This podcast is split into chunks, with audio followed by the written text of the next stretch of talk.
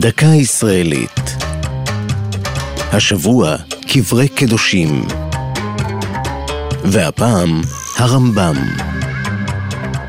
מאות אלפים פוקדים את קבר הרמב"ם בטבריה מדי שנה בשנה, אף שהדבר מנוגד לכאורה לפסיקתו, לפיה והצדיקים אין בונים להם נפש על קברותיהם, דבריהם הם זיכרונם, ולא יפנה אדם לבקר הקברות.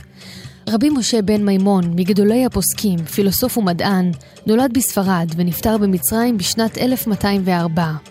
עדויות מהמאה ה-13 מציינות כי הרמב"ם ציווה כלשון צוואת יעקב אבינו, אל נא תקברוני במצרים. לכן, על פי עדויות מהתקופה, הועברה גופתו ארצה והוא נקבר בטבריה. אגדה מהמאה ה-17 מספרת שאחת מבהונות הרמב"ם נשכחה במצרים, ומקום הימצאה נתגלה לאיש חכם בחלום, וכך נמצאה ונקברה בטבריה לצד המנוח.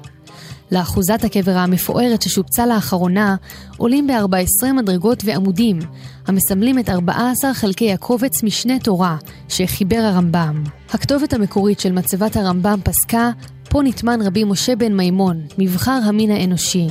אך כבר במאה ה-14, ולאחר מחלוקות רבות, שונתה הכתובת לגרסתה הנוכחית, ממשה עד משה, לא קם כמשה. זו הייתה דקה ישראלית על קברי קדושים והרמב"ם. כתבה עמליה נוימן, ייעוץ הדוקטור דרור ארליך והדוקטור אהרון עמית. עורך ליאור פרידמן.